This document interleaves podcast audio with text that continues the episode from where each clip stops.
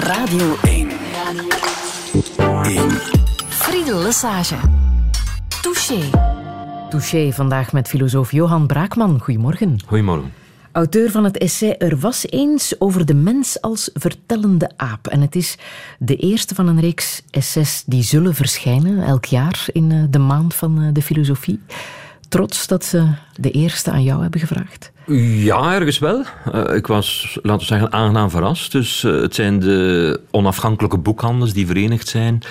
In Confituur heet dat. Um, die me dat gevraagd hebben enkele maanden geleden. En ik mocht er mijn ding mee doen. En ik heb dan een essay geschreven. Het mocht zo 6.000, 7.000 woorden zijn.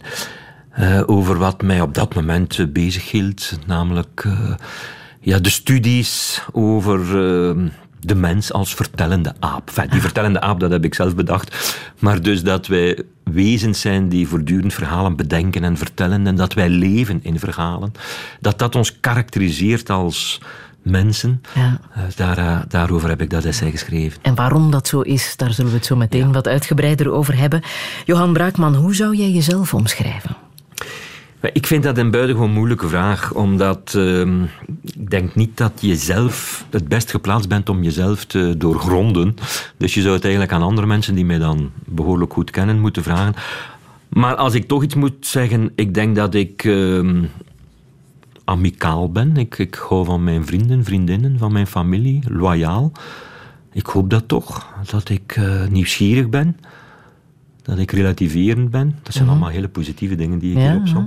Ja, uh, ja het, het, is erg moeilijk om dat over jezelf zo te zeggen. Ja, geen uh, talent voor negativisme, jawel, depressie. Jawel, maar ik zet me toch? daar wel over. Ja? Ja, dus, dus nee, dat is waarschijnlijk een, een eigenschap die ik heb.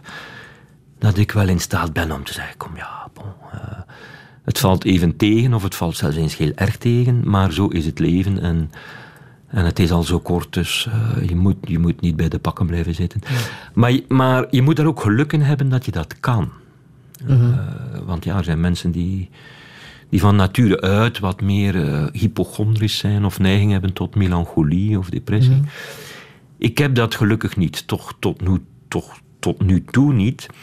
Maar ik heb, dat realiseer ik mij ook wel goed, denk ik, ik heb ook nog geen hele zware, ernstige dingen ben ik nog niet tegengekomen. Ja, dat scheelt natuurlijk. Dat scheelt natuurlijk, ja. Ja. Je bent ook een man met een uh, muzikaal verleden. Hè? Je hebt ooit in een groepje gespeeld? Ja, als tiener en twintiger uh, speel ik gitaar in een aantal groepjes. Ja. Is daar nog iets van overgebleven? Ik speel nog geregeld wat gitaar, ja? maar ja. dat is meer in mijn eentje. ik, heb, ik heb, ja, helaas hoor, want het is ongelooflijk plezierig. Een van de prettigste dingen die je kunt doen, samen met anderen muziek maken. Uh, maar ik speel nu vaak nog, uh, als ik laat thuis kom bijvoorbeeld, na een lezing of zo, dan hmm. kan ik zo wel een kwartiertje nog wat zitten tokkelen. Dat ja. is zeer ontspannend. Ja. Ja. En je bent ook een filosoof die durft zeggen dat hij ook eens niet filosofisch verantwoorde boeken leest. Zoals thrillers en detectives. Ja, die lees ik van mijn god, tienerjaren. Waarschijnlijk al wel in mijn kindertijd, maar toen, toen hadden we daar die woorden zo nog niet voor. En de Vrij Nederland detectief en thrillergids bestond natuurlijk nog niet. Ja, maar maar wat, lees je zoal? Oh, nu uh, eigenlijk alles wat men wel bijvoorbeeld in die, in die gidsen vier, vijf sterren geeft, daar laat ik mij zo door leiden. Soms ben ik dan ontgoocheld door, want ja, dat gaat zo met recensies of met wat de ene goed vindt.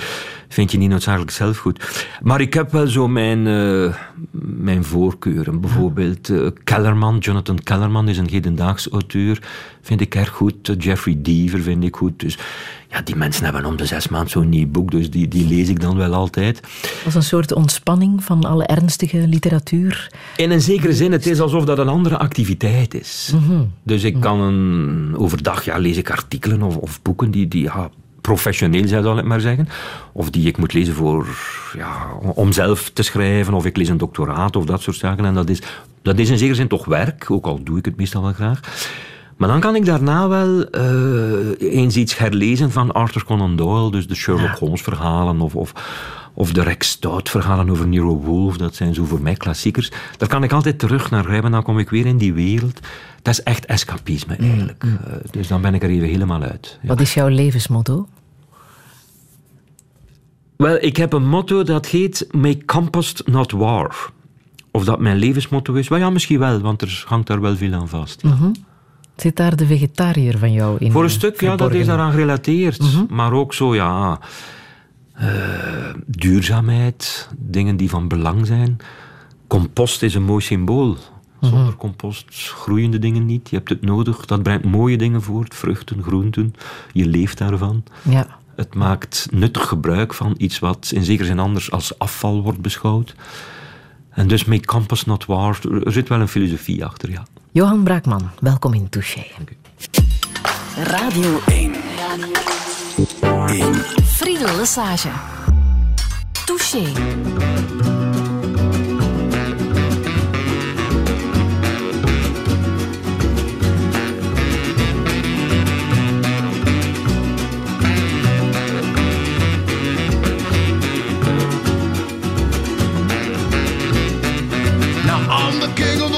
and stop, and that's what's bothering me. I wanna be a man, a man cub, and stroll right into town and be just like the other men. I'm tired of mucking around, so ooh, I wanna be just like you. I wanna walk like you, talk like you too. You'll see it's true, and ain't like me.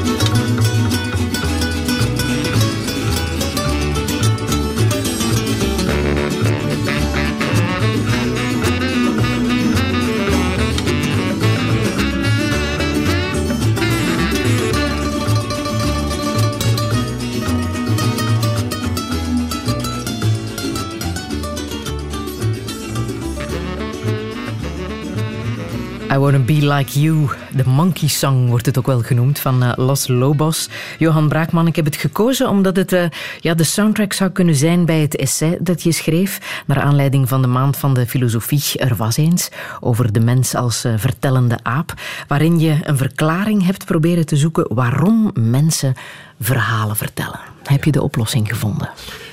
Wel, ik persoonlijk niet, maar er is internationaal wel een een groeiend veld van onderzoek vanuit uh, evolutiebiologie, neurowetenschap, psychologie enzovoort. Uh, zo heel interdisciplinair. Waarbij men dus op zoek gaat naar verklaringen voor de meest typisch fundamentele menselijke eigenschappen. Hè, zoals dat we moraliteit hebben, dat we taal hebben enzovoort. En dus ook voor het feit dat wij verhalen vertellen. Hè, dus over de hele wereld, alle culturen en alle tijden, voor zover we weten, bedenken mensen verhalen. En uh, wij zijn zeer happig om verhalen te horen. Dus, dus dat, dat capteert onze aandacht quasi onmiddellijk zodra iemand iets begint te vertellen. Moet je nu eens weten, heb je dit gehoord, eh, of er was eens, enzovoort. Dus kleine kinderen reeds eh, kun je zoet houden met verhalen. En zij vinden ook zelf verhalen uit. Dus, dus je kunt de wereld niet ontverhalen, als het ware. Dat zit heel diep in ons. Dus dat, dat roept toch automatisch de vraag op, hoe komt dat? Wel nu, heel kort samengevat, de stelling die ik uiteenzet in het boekje, is dat wij verhalen bedenken en vertellen en zelfs ook letterlijk dromen en dagdromen, omdat het virtuele oefeningen zijn voor het echte leven. Dat is eigenlijk de essentie. Mhm. Dus, dus als je de, de mooiste metafoor misschien van onze tijd, om dit duidelijk te maken, is de volgende. Als je de opleiding tot piloot volgt, dan word je niet meteen na, na een paar uur theorie in het vliegtuig gezet en moet je vertrekken en gaan vliegen. Dat is nogal gevaarlijk. Je moet eerst een beetje oefenen met een, een vluchtsimulator. dus, dus een soort virtuele cockpit waarin je je bevindt en dan kan je opstijgen en landen en van alles doen en ze stoppen in zijn storm in je vlucht enzovoort. En dan crash je als je piloot in opleiding bent, zo nu en dan. Maar het is niet erg, het is maar om te oefenen, het is virtueel. En verhalen, denk ik, hebben dezelfde functie. Dus de, de held, de heldin enzovoort, wie de hoofdrol speelt of, of nevenfiguren, doen vaak allerlei foute dingen. Ze gaan dood, uh, ze kweken vijanden in plaats van vrienden, uh, ze, ze gaan verkeerd om met emoties of met dilemma's. Mhm. Ze zitten moreel op een foutspoor vaak enzovoort. Maar tegelijkertijd geven ze ons ook vaak het goede voorbeeld. Dus je leert daaruit hoe je met allerlei problemen in het echte leven kunt omgaan. Je verwijst met je titel Er was eens naar de sprookjes. Hè? Nochtans zijn die sprookjes ja, echt afschuwelijk gruwelijk. Hè? De oorspronkelijke sprookjes, dat vergeten we vaak. Dat illustreert het punt dat ik probeer te maken. Uh, wat er in verhalen gebeurt, wat ons daar dus blijkbaar in aantrekt, is eigenlijk net dat wat je wil vermijden in het echte leven. Dat er gemoord wordt en uitgehongerd. Kracht, kinderen worden verlaten, ontvoerd, genocides, dus van Homeros tot Harry Potter of, of uh, eh, J.K. Rowling, dat is Harry Potter, of, of al die andere populaire fictiereeksen van vandaag de dag, ook op televisie en in series, want dat zijn ook verhalen. Game of Thrones en, en Breaking Bad enzovoort, dat zijn allemaal... Ja, het zijn altijd verhalen met ernstige, serieuze problemen. Ja? Mhm. Dus je kunt niet zeggen, we doen dat om ons te ontspannen, verhalen lezen. Soms natuurlijk wel. Maar het is dan wel vreemd dat we ons graag ontspannen met een verhaal over een seriemoordenaar of zo. Ja. Dus uh, in verhalen gebeuren die dingen die je wil vermijden in je echte leven. Ja. En dat, dat onderbouwt ergens de stelling. En dat begint dus al met sprookjes, die bedoeld zijn voor kinderen. Sprookjes zijn gruwelijk. Leren kinderen dus in een virtuele realiteit dat ook dit potentieel realiteit zou kunnen zijn.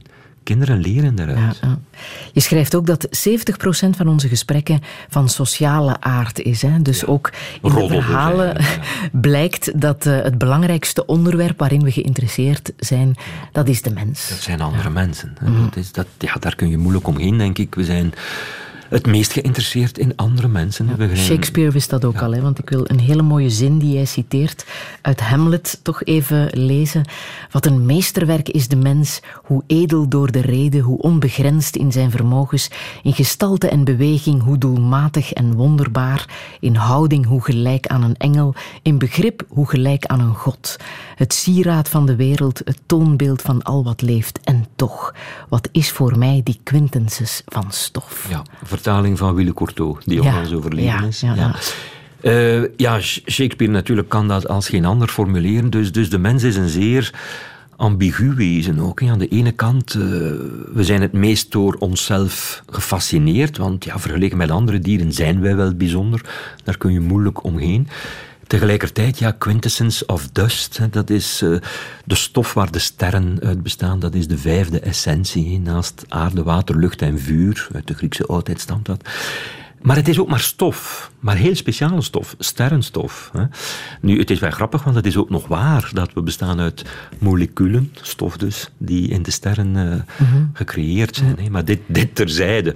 Maar we zijn groepsdieren en het, het, wat ons het meeste aanbelangt is natuurlijk wat andere mensen doen, wat andere mensen zeggen, wat andere mensen denken. Ja, in het bijzonder over ah. onszelf. Maar daarbij denk ik natuurlijk dat uh, auteurs een uh, zeer belangrijke taak hebben hè, in hun job. Goede boeken schrijven ja, absoluut. Dus verhalen naar voren brengen die uh, ertoe doen, die leerzaam kunnen zijn voor de tijd waarin wij leven.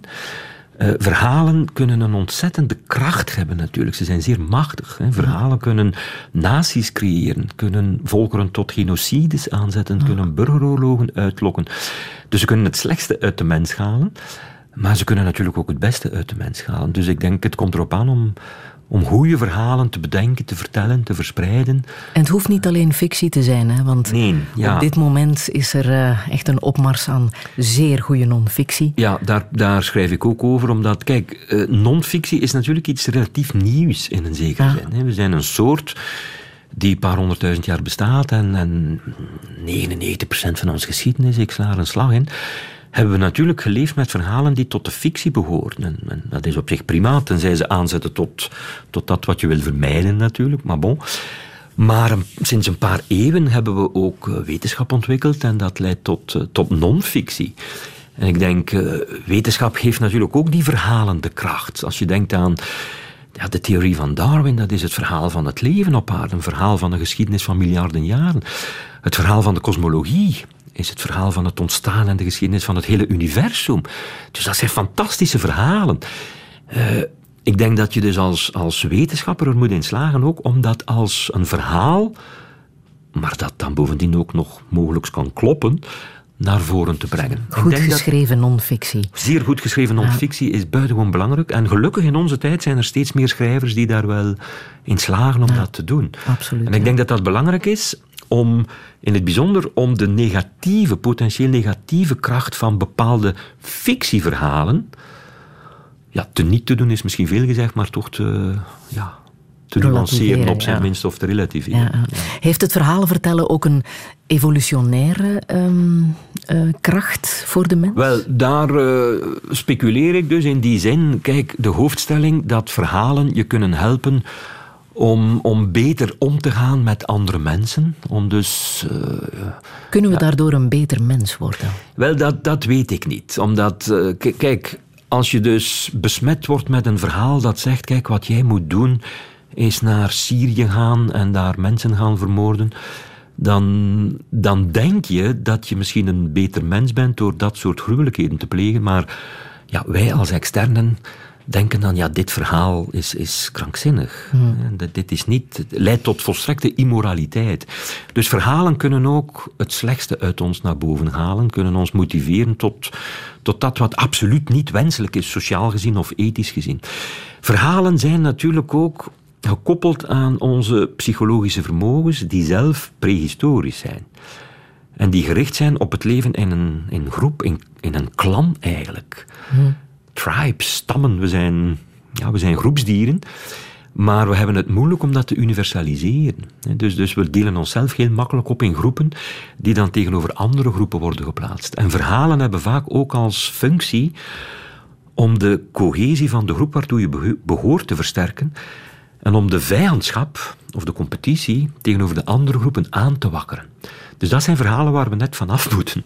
Ja. En het, wetenschappelijke inzicht in hoe verhalen hier werken, denk ik, kan ons helpen.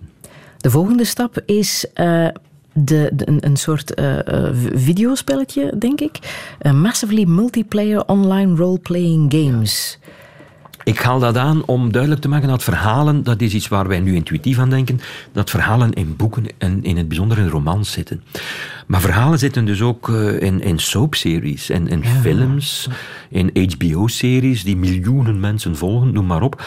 Maar ze zitten van tegenwoordig dus ook in computergames waar je zelfs kunt in meespelen. Want dat is natuurlijk het, het, het, het ja, meest aanlokkelijke verhaal. Dat waar zelf je kan zelf, bepalen wat de verhaallijn zal worden. Waar je zelf echt een rol in speelt. Kijk, als je verhalen leest... Ik denk dat wat je als een zeer goed verhaal beschouwt, dat is een verhaal waarmee je voor een deel kunt identificeren met een of ander personage. Dan lijkt het een beetje alsof je zelf meedoet. Als je niks hebt met een boek, dan komt dat waarschijnlijk omdat je je niet kunt inleven in de rol die een personage mhm. speelt. Maar dus die computergames laten je toe om, om live mee te spelen zelf een rol te hebben. Dat is onweerstaanbaar. Dus wat je ziet is dat de computergames-industrie is nu groter dan de filmindustrie. De meeste mensen realiseren zich dat niet, maar... Daar kan je oefenen voor het echte leven. En daar oefen je voor het echte leven. Wat je dus daar ook ziet, is dat die computergames ook vaak zeer gewelddadig zijn. En, en, en dat je moet als hoofdfiguur dat je problemen moet oplossen. Ja, je moet mensen een kop eraf schieten en zo. Of monsters bestrijden en weet ik veel. Dus, dus het, het, het zijn geen saaie dingen in die computergames. Het, het zijn opnieuw... Je maakt zaken mee in die fictie en, en je speelt er zelfs in mee in die computergames die je eigenlijk net wil vermijden in het echte leven. De meeste mensen toch.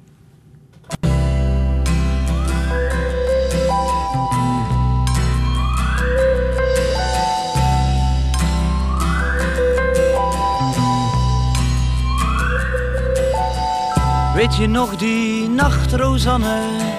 Dat we samen op de stoep, dat we lachten omdat huilen zoveel meer pijn doet dan geroep.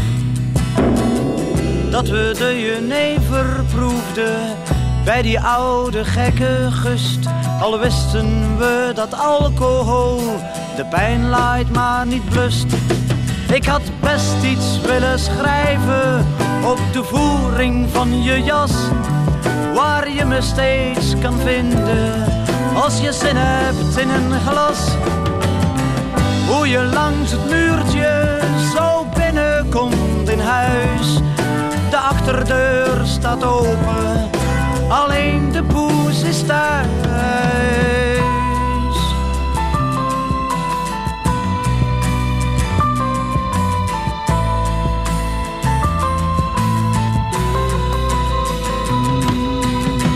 Weet je nog hoe ik vertelde hoe pijnlijk het afscheid is?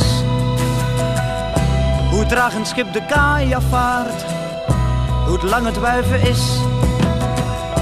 Voordat het schip een stip wordt, dat helemaal verdwijnt.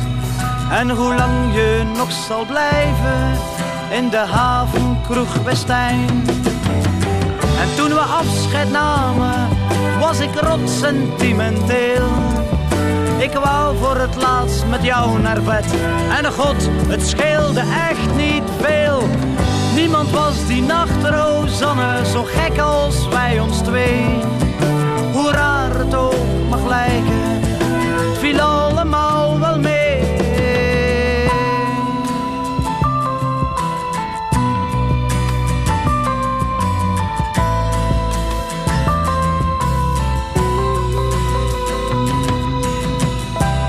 zag ik pas dat Prinsenhof de naam was van de straat. De straat waarin je woonde, de straat met jouw gelaat. Ik herinner mij de stoepen en het schoon geveegd trottoir. De bakker met vakantie, met ervoor de vodka. Van wat er toen gebeurde, zal niemand iets vernemen. Het was er koud, Rosanne. En wij, wij zouden afscheid nemen. Er waren geen geraniums, geen straatmus was erbij. Ik had zachtjes willen huilen, maar ook dat ging voorbij. Paridai de la de, paridai de de. Rosanne, oh Rosanne, oh Rosanne, oh Rosanne, oh Rosanne, oh Rosanne. Dat mooie nummer van Wim de Kraan, Rosanne. Johan Braakman, waarom wou je dit laten horen? Wel, omdat ik ben opgegroeid in Wetteren. En uh, Wim de Kraan wordt ook beschouwd als een wetteraar. Hoewel hij eigenlijk van Melle afkomstig is. Maar uh, hij heeft toch vooral iets met wetteren. Hij wordt daar ook nog herdacht, nu en dan, met concerten enzovoort. Dus hij wordt daar toch als een wetteraar beschouwd. En daar liggen mijn, mijn wortels. Ik woon er uh, trouwens nu opnieuw. En het is ook vandaag mijn moeder haar verjaardag. En die is nu aan het ontbijten met de rest van de familie. Mm -hmm. En uh, zij is ook van Wetteren afkomstig. Dus ik dacht, laat ik een liedje aanvragen waar zij zichzelf ook mee kan uh, associëren voor haar verjaardag. En hoe oud wordt ze vandaag? 77. Een mooie leeftijd, hè? Wat ze zelf niet kan bevatten, heeft nee? ze mij gezegd. Nee. En waarom niet? Ja, omdat ze helemaal geen 77 voelt. En dat de tijd gaat voorbij en plots ben je 77. Maar ik denk in haar hoofd is uh, 32 of zo. Denk ik dan, ja. En jij pikt straks nog mee uh, in op het feest. Als ik op tijd terug thuis ben misschien. Ja. um, jij woont tegenwoordig in het ouderlijk huis, Ja, ja ik heb daar het grootste deel van mijn leven gewoond. Uh, ja. Ja, dat, dat, dat zijn mijn wortels. Dat is ook, ja, het is ook dicht bij Gent en zo. Dus, dus dat is allemaal op zich geen probleem. Maar ik woon daar graag. Ik heb daar een tuin. Het is vertrouwd. Ik heb daar mijn oudste vrienden en vriendinnen, mijn familie. Dus, Mooiste eh, geschenk van het leven. Ja, voor mij wel, omdat ik heb, ik heb het huis geërfd met de tuin eraan. Ik heb die tuin dan wel uh, ja, bewerkt of herwerkt of heraangelegd. Maar het is waarschijnlijk wel het mooiste geschenk dat ik gekregen heb, dus van mijn ouders. Hè, de plek waar ik woon en dat ik daar kan blijven wonen. Ah. Uh, dat, uh, dat is voor mij wel belangrijk. Ja. Wat Niet... voor herinnering heb je aan jouw jeugdjaren in dat huis? Uh, zeer warm. Ik kom uit een gezin met vijf kinderen. En mijn ouders waren altijd aanwezig. Mijn vader was een tuinier, boomkweker. En dat, dat gebeurde daar ter plekke. We hadden daar serres en, en grond of het land waar de planten op gekweekt werden. Dus, dus in mijn herinneringen was hij altijd thuis en altijd aanspreekbaar. En ook altijd bereid om, om wat ik ook aan het doen was, om mij daarmee te helpen. Was het nu huiswerk of, of een spel dat ik speelde, of, een, of de uitwerking van iets in mijn fantasie, wat dan ook. Wij aten smiddags altijd samen rond de tafel. We hadden een vier uurtje. Bedoel, ja. Heeft dat invloed gehad op wie jij bent geworden? Opgroeien met, met vijf kinderen? Dat zal wel. Ja? Ja, op, op allerlei manieren, maar dat is erg moeilijk om dat te achterhalen. Ik denk, wetenschappelijk is dat niet zo simpel hoor, om, om te weten hoe dat precies iemand vormt. Die persoonlijkheidspsychologie is moeilijk, maar uh, het heeft mij zeker gevormd. Hè. Dus uh, ja, als je met uh, zeven mensen samen in een huis woont, en het, het was niet eens zo'n erg groot huis, dan moet je natuurlijk manieren vinden om elkaars privacy te respecteren, om samen door één deur te kunnen, letterlijk en figuurlijk, om rond de tafel te zitten en, en het voedsel te verdelen en je, je beurt af te wachten. Dus het, het leert normen en waarden natuurlijk ook aan. Uh, het leert misschien respect ook aan enzovoort. Het leert aan hoe je met conflicten omgaat. Want natuurlijk dagelijks heb je spanningen en ruzies enzovoort. Zeker, zeker kinderen. Uh, dus natuurlijk heeft mij dat gevormd. Ook wel voor een stuk, denk ik. Ik heb van kinds af aan wel mij goed kunnen terugtrekken in mijn eigen hoofd. Zo. Dus ik las heel graag en zo. En ik speelde graag ook buiten. Dus ik ben aan de ene kant wel, denk ik, erg vertrouwd met wat het is om met mensen om te gaan en, en om, om in een drukke situatie te zitten en zo. Maar aan de andere kant kan ik me ook goed afsluiten. Ik denk ja. dat het een het ander vanzelf wel meebrengt. Ja. Jouw vader is drie jaar geleden uh, ja, gestorven. Vijf ondertussen al, ja. Wat voor iemand was hij? Een, een, een, zeer rustig, minzaam iemand.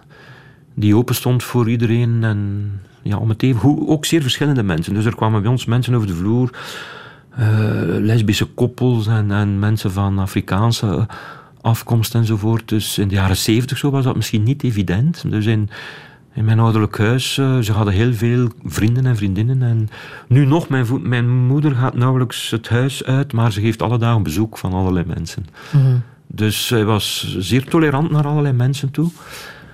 Uh, ik heb hem ook nauwelijks kwaad of, of roddelen over andere mensen. Was misschien ook een beetje de commerçant in zich, want ja, hij moest planten verkopen.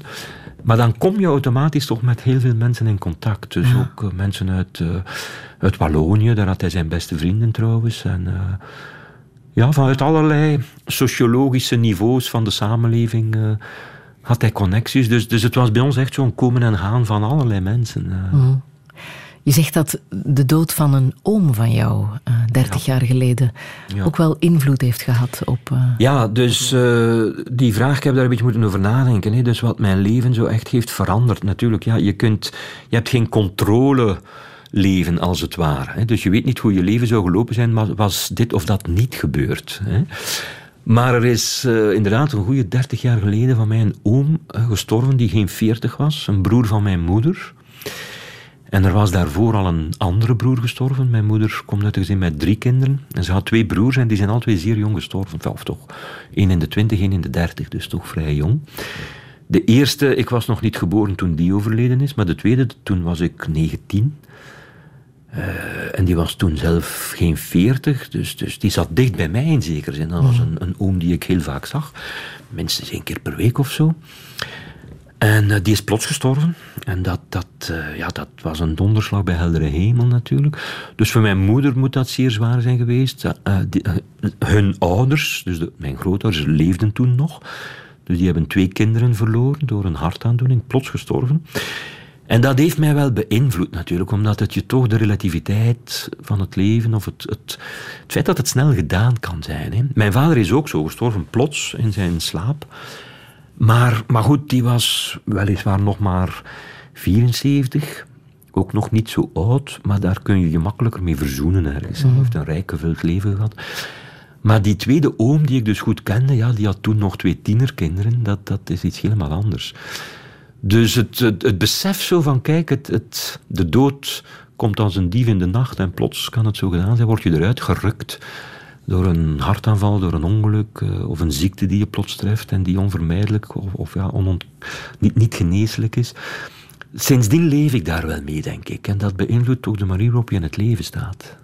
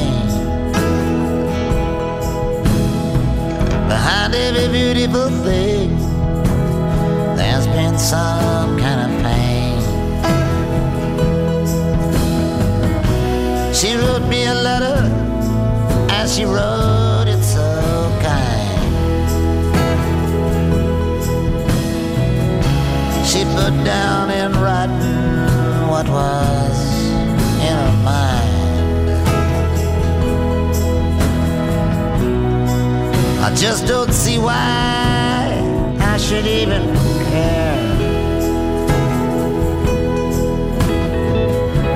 It's not dark yet, but it's getting there.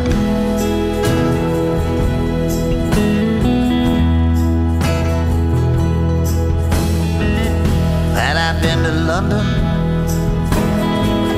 and I've been to Gaines. followed the river and I got to the sea. I've been down on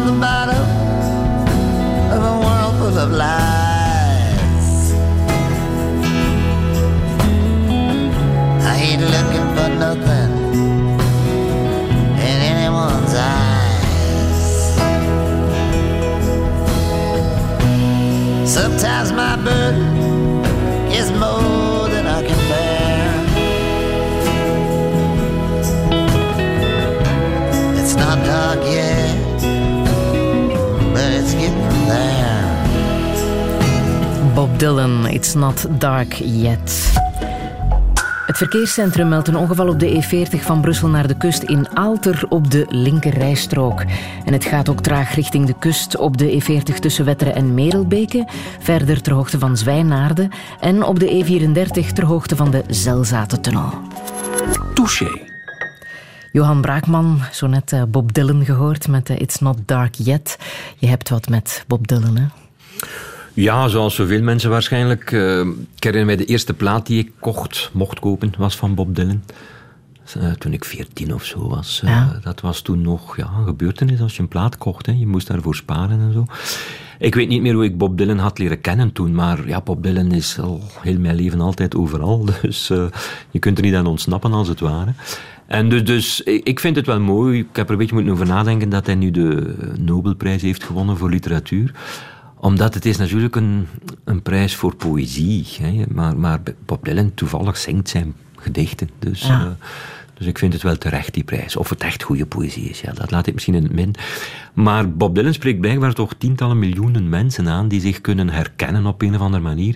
In die gedichten zal ik het nu toch maar noemen. Zijn muziek was er ook bij toen je in dat bootje woonde in Santa Barbara, Californië. Wanneer was dat? God, dat is ondertussen ook alweer een jaar of zes geleden of zo. En ik heb dat nummer gekozen omdat, uh, dus Not Dark Yet, het is nog niet donker, maar het komt wel in de buurt, zingt hij. Uh, het was toen net uit met mijn toenmalige vriendin. En uh, ik heb eerder al gezegd, ik, ik heb niet zo meteen een aanleg. denk ik toch niet voor depressie of zo. Maar toen, toen had ik toch een mindere periode. Want we zouden eigenlijk samen op dat bootje hadden moeten zitten. En ik kijk daar erg naar uit. En het is natuurlijk sowieso niet aangenaam als een relatie uh, verbroken geraakt. En, en dat, dat liedje, ja, uh, ik, ik, kon mij daar zo wel mee vereenzelvigen. Hè. Dus het, het, uh, ik zag geen licht aan het eind van de tunnel. Enfin, dat is ook niet helemaal waar, maar dat is waar het bij Dylan dan over gaat. Mm -hmm. En tegelijkertijd natuurlijk, kijk, ik zat daar in Santa Barbara in Californië. Dat is een zeer idyllische plek op een bootje van vrienden van mij. Ik mocht daarop logeren. En je wordt wakker en je zit daar in de haven tussen... Ja, de palmbomen staan op het strand en uh, de pelikanen vliegen daar rond en de dolfijnen springen uit het water. Dus het is ook een beetje belachelijk in de zekere zin om dan je over te geven aan die uh, zwartgalligheid. Hè. Dus uh, ik heb wel vaak naar dat nummer geluisterd, omdat ik er, dat doe je dan. Hè. Je, je wentelt je daar een beetje in en je herkent je daarin. Maar dat heeft ook niet zo lang geduurd. Uh, ik vond het bijna ongepast om, uh, om daar... En waarom, waarom ja. was je daar in Santa Barbara? Want je hebt daar echt wel ook een, een professionele band. Hè? Ja, ja, wel, ik ben er oorspronkelijk ooit geraakt voor mijn doctoraatsonderzoek. Dat is mm. vroege jaren negentig, dus dat is al vrij lang geleden, toen ik in de twintig was. En uh, ik werkte aan een doctoraat waarin een aantal Amerikaanse auteurs ter sprake kwamen. Enfin, nogal uitvoerig, zoals Henry David Thoreau en John Muir en anderen. En toen ter tijd, ja, het is pre-internet tijdperk. Je had, die archieven konden niet zomaar geconsulteerd worden.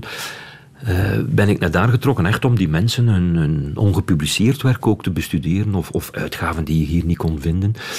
En ook om kennis te maken met, uh, met onderzoekers, die Amerikaanse docenten, mm -hmm. onderzoekers, experts, die dat werk zeer goed kenden. En het bleek dus dat in Santa Barbara, Californië, er zo'n aantal mensen waren. Dus ben ik naar daar getrokken. Het, het, kon, het had slechter gekund qua locatie. Maar goed, ze, ze bleken daar ja. nu eenmaal uh, te wonen. En, en daar is ook een belangrijke universiteitscampus. Hè? En daar is een belangrijke universiteitscampus van de University of California. Dus ik heb daar uh, ja, lange tijd, of relatief lange tijd, verbleven. Ja. En ik heb daar vrienden leren kennen en, en ik ga er bijna jaarlijks opnieuw naartoe. Tien. Het is altijd zo'n beetje thuiskomen. Ik ken het daar nu wel vrij goed. En dus een jaar of zes geleden had ik een, uh, een sabbatical van enkele maanden. Ik heb die dus in Californië opnieuw doorgebracht. Dus, dus ja, overdag was ik dan aan de universiteit, uh, ook om onderzoek te doen. Uh, maar ik woonde ja, op dat bootje van die vrienden van mij. Mm. Een boek dat mij heeft bepaald dat jij hebt gedoctoreerd is The Selfish Gene van Richard Dawkins. Dat kan dus, dat een boek jouw leven bepaalt. Ja, dat denk ik wel. Mm. Dus, In jouw uh, geval zeker. Ja, ik ja. denk dat heel veel mensen uh, toch, toch op een spoor komen, laten we zeggen, qua denken in, of intellectueel, of, of, en dus qua leven misschien ook. En wat uh, gebeurde er toen, toen je dat... Ja. dat wel, The Selfish Gene, ik moet het misschien heel eventjes uitleggen, is een boek van Richard Dawkins, dat hij geschreven heeft toen hij nog, nog vrij jong was. En dat een, uh, een inzicht biedt in de moderne inzichten, toenmalig modern, want het is ook alweer uit de jaren zeventig dat boek. En de wetenschap staat niet stil. Uh, maar dus dat een, het is een boek dat een, een inzicht gaf in de toenmalige visies op evolutie. Dus eigenlijk de moderne evolutietheorie wordt briljant weergegeven door Richard Dawkins. Dus er staan geen originele ideeën van Dawkins in, maar hij brengt wel op een, op een ja, briljante manier de inzichten samen van evolutiebiologen en andere mensen die voor het grote publiek toen volkomen obscuur en onbekend waren. Nu nog trouwens. Uh, maar Dawkins heeft dat uh, ja, fantastisch gepopulariseerd. En ik las dat boek, ik was wel al vertrouwd met evolutietheorie, maar het mocht nog niet zo geweldig goed, maar dat fascineerde me wel al een tijdje. Maar ik las dat boek toen ik student was en dat, dat was alsof de puzzel plots klopte. Je, je zag het plots helder in. Dat gevoel kreeg je toch. Hè. En wat zag je dan ineens zo helder? De manier waarop uh, het mechanisme dat oorspronkelijk door Darwin is blootgelegd, namelijk natuurlijke selectie, hoe dat dus vorm geeft aan alles in de levende natuur dat op een of andere manier functioneel is. Dus en eens je daar een beetje van doordrongen wordt, dan bepaalt dat natuurlijk de manier waarop je naar de dingen kijkt.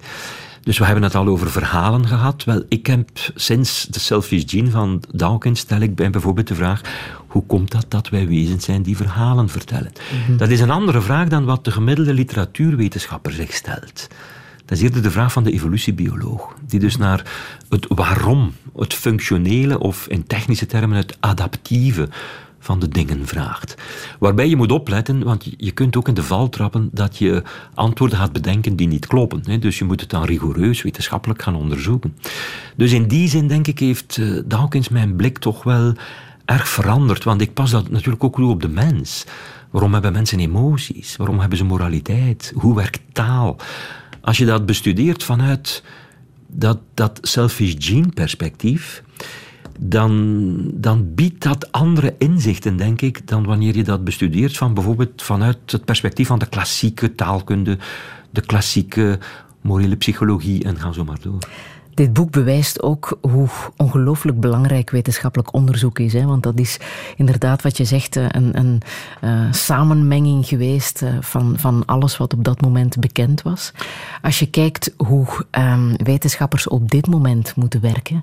Als ik lees in de krant hoeveel moeite professoren moeten doen om geld bijeen te krijgen, om hun onderzoeken te financieren, om hun medewerkers te betalen. Um, herken jij jezelf daarin? Ik herken mij daar zeer goed in. Het is iets waar ik nu ja, toch al enkele jaren van wakker lig, mag, ik wel zeggen. Ehm, ik heb een aantal zeer uh, vette jaren gehad, zoals dat heet, hè, in de Bijbel. Um, dat ik uh, beurzen aanvroeg, zoals we dat noemen. En dat ik dus fondsen kreeg om mensen aan het werk te zetten en, en om samen onderzoek te doen. En die mensen konden dan doctoreren. Dus dat is lange tijd erg goed gegaan. Maar zo de laatste, bijna tien jaar ondertussen al, heb ik het moeilijker om aan fondsen te geraken. En ja, dat is voor mij wel pijnlijk, omdat ik ben eigenlijk op een soort niveau gekomen waarvan ik zeg, ja, nu, nu zou het moeten tot volle wasdom komen. Maar ik vind de middelen niet meer.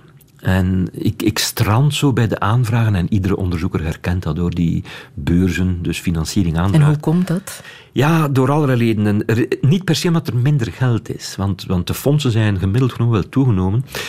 Maar er is veel meer concurrentie, veel meer competitie. Kijk, we zijn daar een beetje het slachtoffer van geworden dat we 15 à 20 jaar geleden meer fondsen hadden. Zo hebben mensen bij mij bijvoorbeeld ook kunnen doctoreren. Maar daarna zijn er geen fondsen meer om die mensen dan na hun doctoraat ook nog aan het werk te houden. En dus ze zijn dan 30, 35 jaar, ze, ze, zijn klaar om er volop tegenaan te gaan. Ze hebben gedoctoreerd.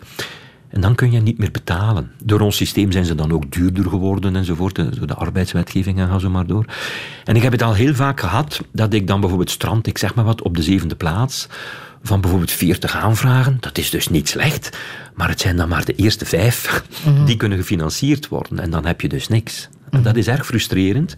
En ik zit nu al zo'n tijdje in die situatie dat ik dus mijn onderzoekers en onderzoeksters niet meer kan betalen.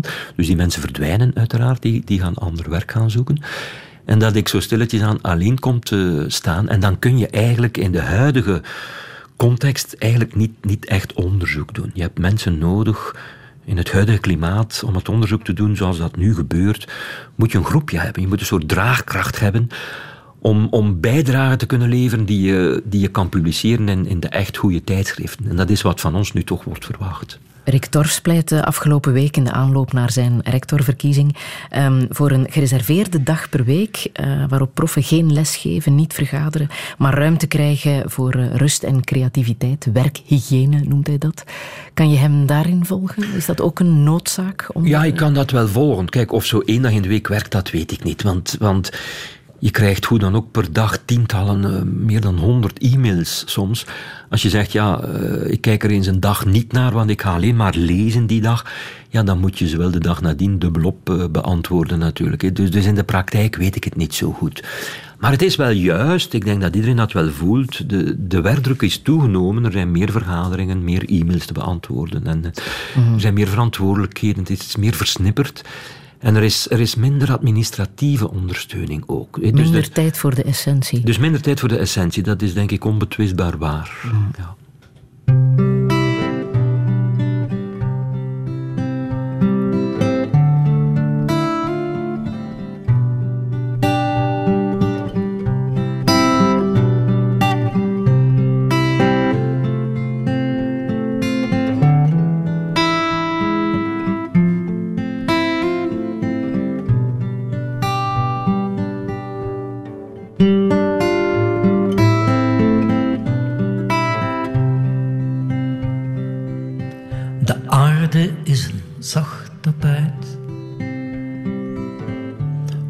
Zij haar lichaam vlijt. Haar borsten ruiken naar rozemarijn. Haar lippen naar safraan.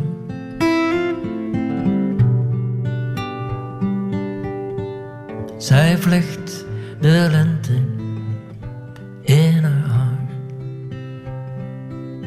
Haar lichaam als een zomerdag blijft voor me stralen elke nacht. En dat ik dat aanschouwen mag. Ik ben er nooit voor klaar.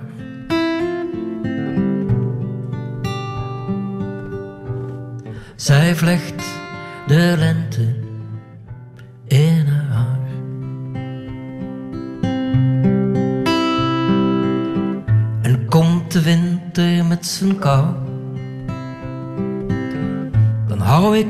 nog dat beeld van jou.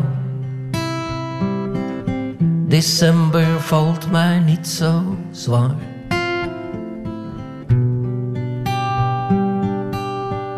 Zij vlecht de lente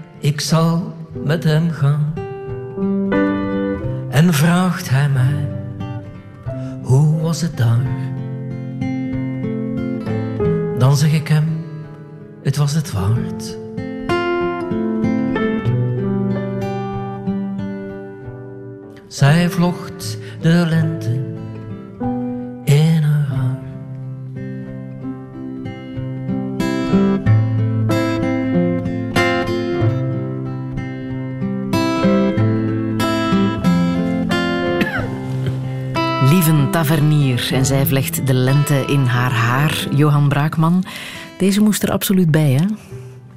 Wel, absoluut, ja. Kijk, het is moeilijk om te kiezen natuurlijk, er is zoveel. Maar ik vind uh, Lieven Tavernier uh, een, een, fantastische ja, songwriter in het Engels. Mm Hij schrijft prachtige, melancholische, mooie, authentieke, oprechte liedjes. Zeer integer, zeer juist, denk ik. En hij is veel te weinig bekend. Dus alleen al daarom uh, maak ik van de gelegenheid gebruik uh, om, een, om een prachtig liedje van zijn laatste cd te laten horen. Een nummer dat perfect past in jouw tuin, volgens mij. Zij vlecht de lente. Ja, dat ook, dat ook. Maar het is natuurlijk een liefdesliedje. En, en uh, ik hou wel van liefdesliedjes, omdat ja, de liefde is toch iets van het allerhoogste, zo niet het hoogste. Mm -hmm. En dus alles wat daar op een zo oprecht mogelijke manier, maar ook met de mislukkingen en, en, de, en de wanhoop of, of van alles. Uh, dat liedje, als je naar de tekst luistert, er zit altijd een beetje, een beetje melancholie en een beetje mislukking in. Maar tegelijkertijd zegt hij ook, kijk, uh, het is goed zoals het gegaan is. Ik heb dat meegemaakt, ik heb dat gekend. het is formidabel dat mij dit overkomt of overkomen is. En, en daar heb ik wel affiniteit mee, mm. met die attitude. Ja. Hoe ligt de tuin er nu bij? Zeer goed. Zeer Moet wel, hè? Ja, dus uh, er bloeit alleen en ander, maar er hangt zo'n spanning in de lucht van, kijk, binnenkort komt dit naar boven, binnen, binnenkort uh, gaat dat bloeien ja. enzovoort. Dus, dus zo'n zo soort vol verwachting zo. Ja, en wat voor uh, tuinier ben jij? Oh, uh, ik vul daar de haatjes mee als het ware, of ik ontspan mij daarmee. Als ik zo'n paar uur uh, stel heb zitten schrijven of heb zitten werken, dan kan ik zeggen... En nu ga ik eens een half uurtje onkruid wieden, of, uh, of, ik, of ik heb plantjes gekocht en die wil ik dan in de grond stoppen. En, ah. en wat voor tuin is het? Kan je het omschrijven? Ja, het is zeer eclectisch. Kijk, ik heb gewerkt met... Uh, alles wat mijn vader verzameld had in de loop van decennia, maar zelf niet had gebruikt. Mijn vader was zo iemand die stenen, uh, natuurstenen verzamelde, uh, de balken, zo allerlei dingen. En hij, hij, sleurde dat dan mee, tot wanhoop van mijn moeder vaak, naar zijn domein, zal ik het nu maar noemen. En dat lag daar dan vaak jarenlang op een hoop. En dat zou allemaal ooit nog wel van pas komen. En een deel daarvan is van pas gekomen, maar veel niet toen hij gestorven is. En uh, ik heb een deel gewoon ja, afgevoerd, want er was veel te veel. Samen met mijn familie en vrienden hebben we daar ons ja, eens een paar dagen mee bezig gehouden, of een paar weken in zekere zin. Maar veel heb ik ook kunnen gebruiken. Dus zo bijvoorbeeld als er ergens in, in Gent werd een kapel afgebroken. Uh, en toen voerde me normaliter die stenen toen ter tijd naar het stort. Maar mijn vader zag dat en zei dan aan die mannen: Kijk, je moet dat niet naar het stort voeren, breng dat bij mij. En dan gaf hij hen wat drinkgeld. Uh -huh. En dan brachten die mannen uh, een vrachtwagen vol stenen van een afgebroken kapel. En die, werd daar dan, die hoop stenen werd daar dan bij ons gedeponeerd. Wel, nu, die stenen heb ik gebruikt in die tuin. Mm -hmm. Dus die hebben nu een functie gekregen. Je hebt er ook een soort uh, zaaltje, hè? de corridor. Ja, ja, dat is ook iets wat mijn vader had opgebouwd. Als een soort project, zal ik maar zeggen, zo onbestemd. Hij wist eigenlijk niet zo geweldig goed wat hij daarmee van plan was. Maar ik heb uh, samen met vrienden en familie, want het, het, was alleen was dat onmogelijk, het is een gigantisch project in feite. Uh -huh. Hebben we dat afgewerkt tot een soort. Ja, het lijkt een beetje op een schuur in de Ardennen zo. Uh, het is een zaal waar ik nu met, ook met vrienden en, en familie lezingen organiseer en concertjes en, en stand-up comedy en kunst. Uh, in de geest van Julien. Ja, dat is de naam van mijn vader. En dus, dus ik weet, wij weten dat hij het fantastisch zou gevonden hebben dat we dit soort dingen doen. Want hij hield ervan om ja. onder de mensen te zijn. En dat zijn zaal, zaaltje, er kunnen 70 mensen in ongeveer, uh, dat we daar dit soort zaken in doen. Vandaar dat, dat de VZ2 die we hebben opgericht, we hebben een VZ2 moeten oprichten, want als je alcohol serveert en zo, dan moet je een VZ2 ja. hebben. Uh, hebben we dus zo genoemd. Ja. ja. Ik heb nog muziek van uh, The Godfather, het bekende thema. Uh, The Godfather citeer je ook in Er was eens. Hè? Wat, wat voor betekenis heeft. Um, wel, kijk, er zijn natuurlijk ook zo Godfather. massaal veel goede films. Hè, dus het is ook moeilijk om daaruit te kiezen. Maar de Godfather-trilogie, het zijn drie films. Uh, het zijn de enige films, denk ik, die ik toch meerdere keren bekeken heb. Mhm. Omdat er zo fantastisch veel in zit. Alle menselijke emoties, intriges. Uh... En zo'n Don Corleone als, als antiheld? Ja, het is een soort antiheld inderdaad. Ja. Hè? Dus ik vereenzelvig mij daar natuurlijk niet mee, want het is ook een crimineel. Hè? Maar het is ook een familieman. Hè? Iemand die, ja, die het goed wil doen voor, voor zijn gezin, die bepaalde waarden geeft. En die waarden kan ik voor een stuk wel delen, maar die waarden Uh, andere waarden, laat ik het zo zeggen, zijn dan voor hem ondergeschikt aan de waarden van bijvoorbeeld zijn klan of zijn familie. Dus het is een maffiabaas. Ja. Dus, uh, maar maffiabazen of mafiosi zijn natuurlijk niet, zijn geen mensen zonder waarden of zonder ethiek. Ze hebben alleen een zeer enge uh, verzameling waarden of ze hebben een klanethiek.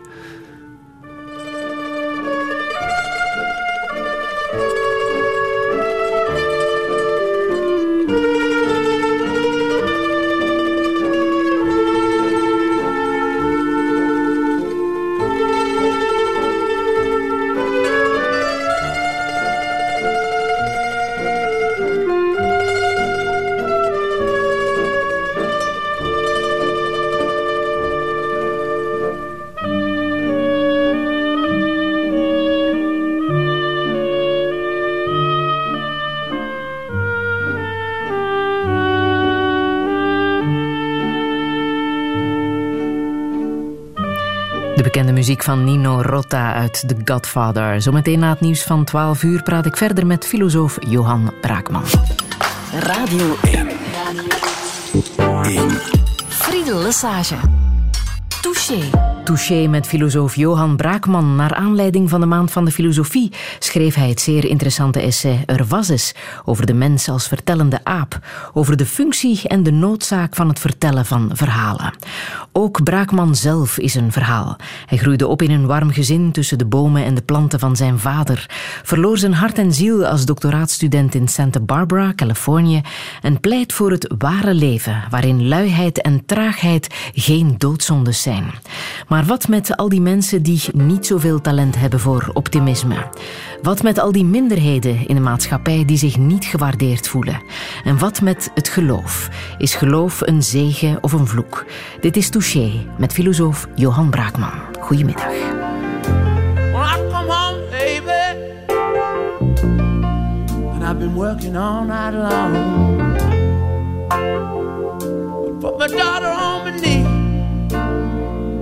And she said, Daddy, what's wrong?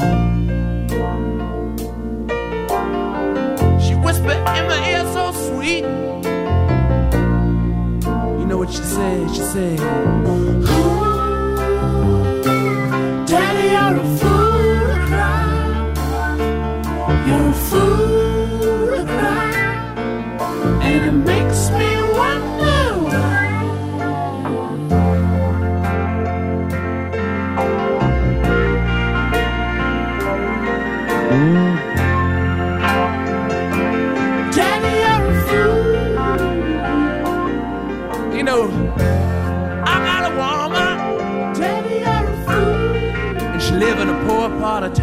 town.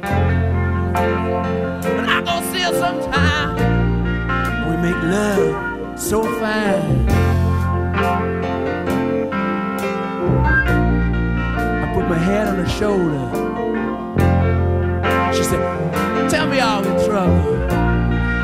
You know what she said? She said,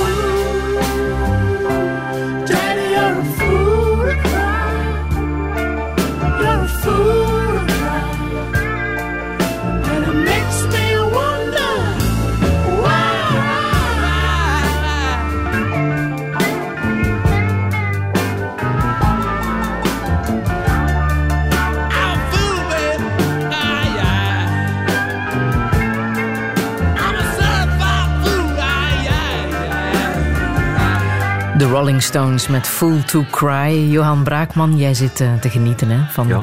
dit nummer. Toch wel, Dat je ja. het zelf hebt aangevraagd natuurlijk. Ja. maar wat, wat herken je in, uh, in dit nummer? In het nummer op zich niet zoveel. Ik bedoel, je luistert niet naar de Rolling Stones voor de teksten, denk ik. Anders dan bijvoorbeeld Bob Dylan.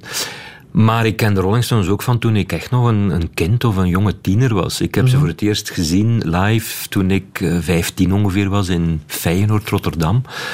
Dat is achteraf bekeken bijna ongelooflijk dat ik daar van mijn ouders naartoe mocht. Uh, waarschijnlijk, waarschijnlijk zullen we gezegd hebben dat, dat we naar een tentoonstelling gingen of zo, ik weet het niet meer. Um, en, en ja, het is een beetje een cliché, maar het is de, de soundtrack of my life. Hè. Mm -hmm. Hoewel ik ook heel veel naar klassieke muziek luister en zo. Maar de Rolling Stones, ja, dat maakt deel uit van mijn jeugd, heel sterk. Maar ik ben er altijd naar blijven luisteren. En, en denk dat iedereen dat wel heeft. De muziek die je in je jeugd uh, mee gevormd geeft, dat, dat blijft toch bij jou. Daar blijf je ergens trouw aan. Dus dat, uh, dat, is, beetje, dat is herkenbaar. Uh, ja, dat verwarmt je hart. En dus ik kan altijd wel naar de Stones luisteren. En via de Rolling Stones heb ik ook ja, de, de blues leren kennen. Hè, waar zij natuurlijk zelf uit zijn voortgekomen. Hè. Moody Waters en, en, Robert Johnson en zo. Dat waren voor mij toen ter tijd allemaal volstrekt onbekende mensen. Ja, nu, nu dankzij uh, YouTube kun je dat allemaal ontdekken. Het is een zegen om nu op te groeien wat dat betreft, toch? Hè? Dat is allemaal gewoon in je huiskamer of in je, in je kamer waar je slaapt, allemaal aanwezig als je een laptop hebt of op je telefoon. Maar wij moesten dat allemaal ontdekken. Ik had het geluk dat mijn oudere zus wel in zo'n vrienden- en vriendinnengroep zat. Sommigen waren daar dan ook al wat ouder. En die platen circuleerden hè, van Led Zeppelin en Deep Purple en de Rolling Stones en Creedence Clearwater Revival en Bob Dylan enzovoort. Ja. Dus, dus ik was 12, 13 of zo en ik, ik leerde dat dan op die manier toch al allemaal kennen. En daar, daar ben ik nog altijd heel erg blij om. Johan Braakman, ik heb jouw Facebook eens uh, bekeken. En daar heb je afgelopen week iets op gepost dat uh, mij ook heel erg heeft geraakt. Een uh, link naar de documentaire Moeders springen niet van flats van de Nederlandse documentairemaakster Elena Lindemans. Een bijzonder aangrijpend verhaal waarvan ik een paar klankfragmentjes wil laten horen. Dit is de flat waar mijn moeder vanaf is gesprongen. Maandag 25 februari 2002 hield hier om twee minuten over vier haar leven op. Ik wist wat ze ging doen en ik heb haar niet tegengehouden. Een decennium lang hebben we gevochten tegen jouw ziekte. En we hebben verloren.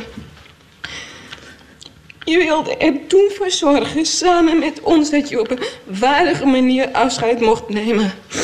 Maar dat mocht niet. Ik ben woedend dat je genoodzaakt was om op deze manier uit het leven te stappen. Het was onmenselijk. Moeders mogen niet van flats springen. Touché. Elena en haar zus in de documentaire Moeders springen niet van flats. Waarom um, moet iedereen deze documentaire bekijken? Wel, ik denk omdat uh, ze duidelijk maakt wat voor een, een zegen, dat is misschien een raar woord in deze context, maar toch, wat voor een zegen het is dat wij in België en in Nederland ook een, een wet hebben die het mogelijk maakt dat mensen, uh, ja, op basis van bepaalde criteria waaraan voldaan moet zijn, uiteraard, uh, euthanasie kunnen hebben. Dus zelf gekozen een einde kunnen maken of laten maken aan hun leven. Niet alleen op basis van uh, een ziekte als kanker of wat dan ook, maar ook op basis van vormen van psychisch lijden. Dat, dat ja, ongeneeslijk is, dat ondraaglijk is. Dat is iets wat vaak onderschat wordt. Zo, men zegt met een boutade, ja, het zit maar tussen de oren, dus dan is het bijna automatisch minder ernstig. Terwijl een kanker, ja, iedereen begrijpt, ja, dat is verschrikkelijk, je lijdt daaronder. En als dat ongeneeslijk is, dan is het maar normaal, dan is het het juiste, the right thing to do om aan iemand tegemoet te komen die vraagt: uh, Kijk, ik, ik, wil, ik wil dood, want dit gaat niet meer, het is afgerond. Maar is dat zo? Ik kan me voorstellen dat mensen zich vragen stellen bij: Is psychisch lijden inderdaad fataal? Kan je daar ja, nooit dat is het, van genezen? Dat is denk ik uh, wat inderdaad leeft bij veel mensen, dus men neemt het dus minder ernstig. En wat die documentaire aantoont, is dat het natuurlijk. Uh, ja, er is geen verschil met lichamelijk lijden. Dus ik maak eigenlijk geen onderscheid tussen psychisch en lichamelijk lijden. Alle lijden zit tussen je oren in een zekere zin. Of het nu door ergens een tumor in je lichaam veroorzaakt wordt, of door iets bijzonders bijzonder traumatisch of, of waar je niet van afgeraakt, waar je, waar je niet verwerkt krijgt, of iets waar je niet eens de oorzaak echt van weet. Er zijn mensen die het leven volstrekt ondraaglijk vinden. En dan kun je aan die mensen zeggen, ja, stel je niet aan, of ga in therapie, of doe eens dit, of doe eens dat. Maar als dat niet helpt, jaar in, jaar uit, die mensen ondernemen zelfdodingspogingen, gaan in therapie, komen in de psychiatrie, slikken medicatie, dat werkt allemaal niet. En als die mensen dan niet geholpen kunnen worden, want zelfs al is er een wet, velen worden niet geholpen, ook al vragen ze herhaaldelijk om geholpen te worden, dus eigenlijk om gedood te worden als een, als een, een act van empathie, een, een act of kindness. Hè. Dus zo moet je dat ook zien. Het is uit medeleven dat je dan aan zoiets tegemoet komt. Ja, dan zie je, kijk, dan springt zo iemand van, van, het, van de flat. Dan plegen die mensen zelfdoding. In Nederland, ook in België, plegen meerdere mensen per dag zelfdoding. Hoe komt dat? Ik denk dat dat vaak komt mensen die echt geen uitweg meer zien, die niet geholpen worden of die misschien denken dat ze niet geholpen zullen worden en die dan in pure wanhoop, pure radeloosheid uh, iets dergelijks doen. Dat is verschrikkelijk als je, als je dat moet doen, maar het is ook verschrikkelijk voor de nabestaanden.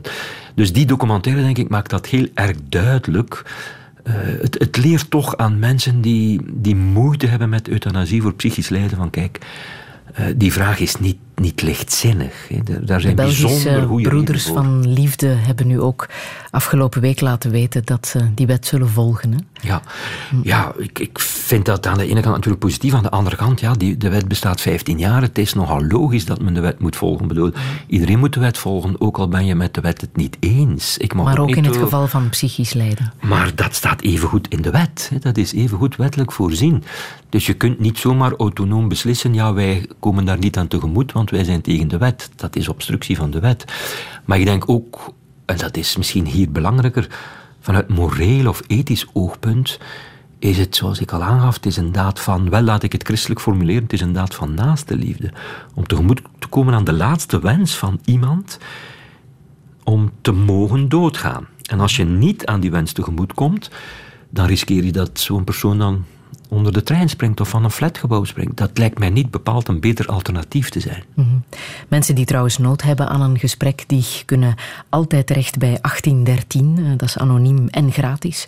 Daar zijn fantastische mensen die, eh, die altijd luisteren en uh, goede gesprekken voeren. Um, maar het kan ook zijn natuurlijk dat je kerngezond bent, maar vindt dat je leven gewoon voltooid is. Dat is wat uh, Dick Swaap, uh, de hersenspecialist, uh, eind vorig jaar in Touché vertelde over de euthanasiewet. De groep waar het niet voor geldt, waar die wet niet voor bedoeld is, zijn de mensen die geen ernstige ziekte hebben. Maar er zijn mensen die zo oud geworden zijn dat ze alle mogelijke kleine problemen krijgen. Ze hebben hun partner verloren, ze hebben hun vrienden verloren vanwege de leeftijd. Ze zijn overgebleven. Ze hebben een fijn leven gehad, maar ze vinden het genoeg. En uh, daar geldt de euthanasiewet niet voor. En moet die eigenlijk aangepast worden. En dat is uh, het initiatief wat we hebben genomen, wat uit vrije wil heet. Touché. Ja, Dick Swaap over Uit Vrije Wil, uh, het voltooid leven. Ondertussen is bekend dat uh, Nederland het initiatief niet ziet zitten. Wat vind jij van dit idee, Johan Broekman? Ik kan dat wel volgen, maar ik weet dat het nogal uh, op dit moment vrij radicaal klinkt natuurlijk. En uiteraard kun je dat niet in de wet zoals wij die nu kennen, ook in Nederland, de euthanasiewet, invoegen. Want die vereist dat er een ongeneeslijke ziekte is, een vorm van uitbehandeling is dus. En dat er ondraaglijk lijden is. Uh, ja, de, de, mensen waar Dick Swap het over heeft, per definitie beantwoorden dus niet aan die criteria. Maar het idee dat, dat je leven voltooid kan zijn, ook al ben je niet aan het lijden, heb je geen pijn, maar dat je leven voltooid is. Dat je denkt, kijk, ik, ik, dit is het. Het is mooi geweest. Alles wat nu komt is bergaf. En dat, dat wil ik niet. Ik wil ergens stoppen op, misschien niet op een hoogtepunt, maar ik wil zeker niet afglijden naar miserie en ellende. een goed en bewust aftakeling. Moment. Ik kies er zelf voor. Op het mm. moment dat ik kies, ik neem afscheid. Ik doe nog dit en dat. Ik heb nog die laatste gesprekken. Ja, daar voel ik wel wat voor. De, de, de Stoïcijnen deden het zo lang geleden al. In onze cultuur is dat natuurlijk getaboueerd geworden. Om, om, omdat de dood, als het ware, is niet iets wat ons toekomt. Dat moet uh, ja, nog altijd in de katholieke traditie. Ja, zie de reactie van de broeders van liefde tot nu toe. het is niet aan de mens zelf om daarover te beslissen. Ik, ik volg dat dus niet. Uh, ik zie niet goed in wie anders dan de drager van het leven zelf kan mhm. beslissen en beschikken over wat er met dat leven dan gebeurt. Dat is geen egoïsme, zoals dat vaak wordt. Eh, mensen hebben daar over het algemeen bijzonder rationele redenen voor. Wie niet had moeten sterven is Jordi, Jordi Brojaar, die uh, vorige zomer in een tentje aan de Blaarmeerse in Gent uh, het leven liet. Iets wat jou uh, ook heeft geraakt. Dat heeft mij zeer diep geraakt. Ik heb daar niks over geschreven of, of, of ook niet veel over gepraat of verteld of zo, maar dat heeft mij wel erg diep geraakt, ja. Kijk, dus de, vraag in, in jouw programma is, ja, wat geeft je diep geraakt in het nieuws en zo? Er zijn helaas natuurlijk heel veel uh, anekdotes of, of situaties die je kunt naar voren brengen. Maar ik heb er een beetje over nagedacht en dus die dood van die jongen, Jordi, 19 jaar, kind dat in instellingen was opgegroeid, uh, een tentje in de Blaarmeers. Het is misschien ook omdat ik die plek hier goed ken. Zo. Uh, dat, dat, is dan plots erg confronterend. Dus hier lag een jongen in een tentje en hij was al twee dagen dood van ontbering. Uh, in een wereld van overvloed sterft hier een, een jongen van 19 in een tentje. Hier waar ik bijna wekelijks wandel enzovoort. Dus dat, dat, dat heeft mij heel sterk aangegrepen, ja.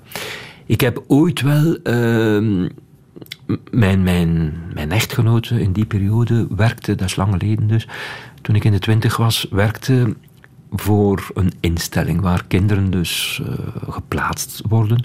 Dus ik heb dat wel een tijdje van dichtbij meegemaakt. Het is natuurlijk erg goed dat zulke instellingen bestaan. Want ja, het is niet voor niks dat een jeugdrechter een kind weghaalt bij de ouders enzovoort. Hè. Maar het geeft natuurlijk ook iets, er zit daar iets ingebakken treurig in. Ook al doen natuurlijk de meerderheid van die mensen doen altijd geweldig hun best enzovoort.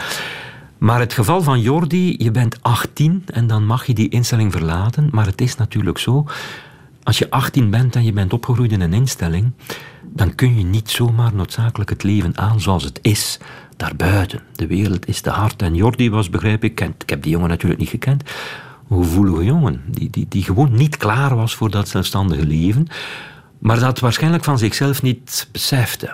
Want uh, ja, je hebt ook je eigen waarde, dus je denkt, als ik 18 ben, eindelijk het echte leven. Want in een instelling opgroeien, ook al is het het betere alternatief, is natuurlijk ook niet ideaal. Hè? Dus het is normaal dat die kinderen daar, daar ambigu tegenover staan. Tegenover de instelling die wel voor hen positief is, maar toch ook niet ideaal is. Dus dan gaan ze op eigen benen willen staan, maar die jongen kon dat niet. En aangezien hij geen grote misdaden pleegde, kwam hij niet in de gevangenis terecht, wat zijn leven zou gered hebben. Hij was geen zware drugsverslaafde, dus hij, werd, hij kwam niet in de therapie terecht enzovoort. Dus hij viel door de mazen van, mhm. van het net dat wij sociaal wel hebben.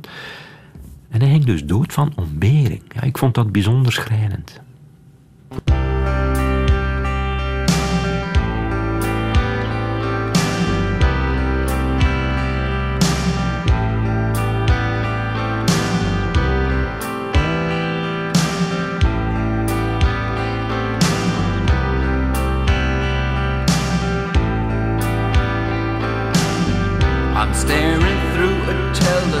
At night and a large light in the sky. Its spinning lights reminded me of you.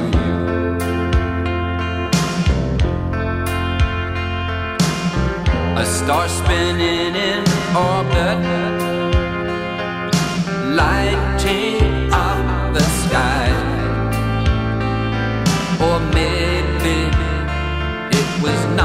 a star at all. I'm standing by the Hudson River's edge at night, looking out across the Jersey Shore at a neon light spelling out some cola's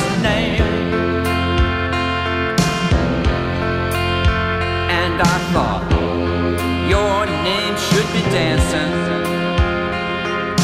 Beam from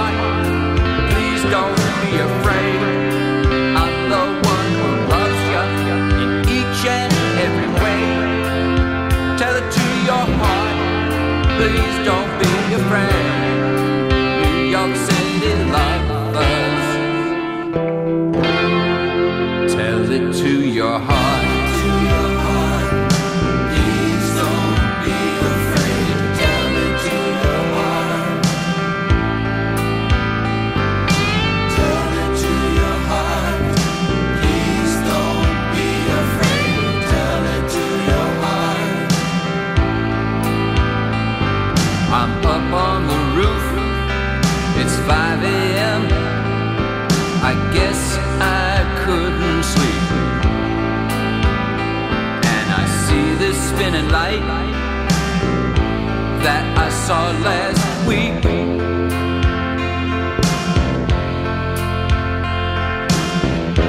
Maybe I should wake you up, but by then it might be gone.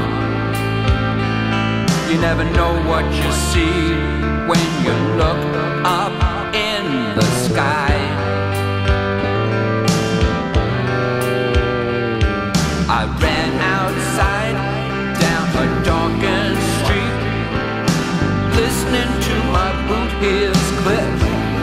Lou Reed en Tell It To Your Heart. Johan Braakman, waaraan doet jou dit denken?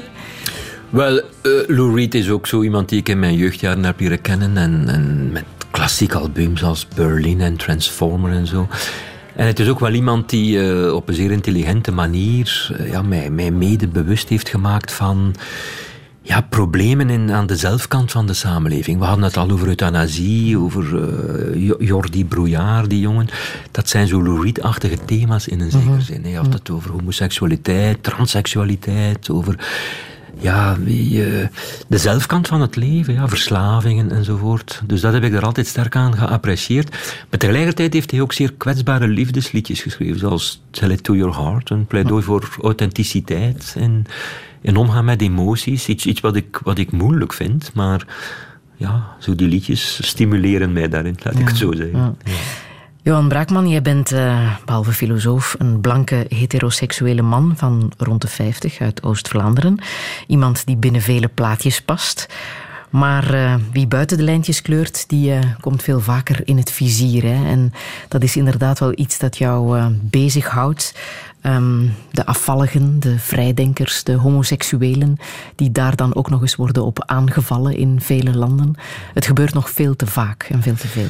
Ja, bij ons valt het natuurlijk uiteraard nogal mee. In seculiere democratieën, eh, niet toevallig, eh, is het moeilijker om zogenaamde afvalligen aan te vallen, of laat staan te doden, op te pakken enzovoort.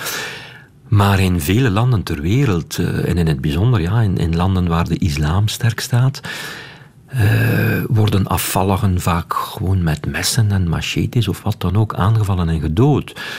Dus eh, als je de website wat volgt, websites wat volgt die daar aandacht aan geven, zo websites van de humanistische verenigingen in Europa en de Verenigde Staten bijvoorbeeld, ja, het is bijna dagelijks hè, dat dus mensen die pleiten voor ehm, ja, voor tolerantie in, in religie. Die, die zeggen, kijk, het is een mensenrecht dat je van levensbeschouwing mag veranderen. Dat je van moslim christen mag worden of dat je van christen eh, atheïst mag, mag worden en daar ook mag voor uitkomen. Dus dat je daar niet hoeft hypocriet in te zijn. Wij vinden dat eigenlijk vrij normaal.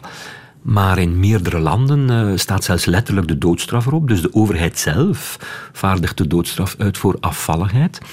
En als de, de, de overheid het niet regelt, dan zijn er altijd wel fanatiekelingen genoeg die het, eh, het heft in eigen handen nemen. Dus dat vind ik een bijzonder moeilijke kwestie en ik vind dat we daar nog altijd veel te weinig aandacht voor geven. Moeilijke kwestie of geloof nu een, een zegen of een vloek is. Oh ja, kijk, voor sommige mensen is het natuurlijk een zegen als je daar troost in vindt enzovoort. Maar globaal genomen. Kijk, laat ik het, het is een heel moeilijke kwestie, maar laat ik het zo zeggen. We hebben in Europa, toch in een aantal landen, is nu al een paar decennia een ongezien experiment aan de gang. Eh, namelijk dat eh, een meerderheid van mensen zich ongelovig noemt. Dat is voordien in de geschiedenis nergens ooit het geval geweest. En het is nu nog altijd niet zo in de meeste delen van de wereld, ook niet in de Verenigde Staten bijvoorbeeld. Hè. In het Midden-Oosten uiteraard niet, in Latijns-Amerika niet, in Afrika niet en noem maar op. Maar in Europa zijn we zeer uitzonderlijk. Er is hier een experiment aan de gang. In sommige landen, een meerderheid van mensen is ongelovig. In het bijzonder in de Scandinavische landen.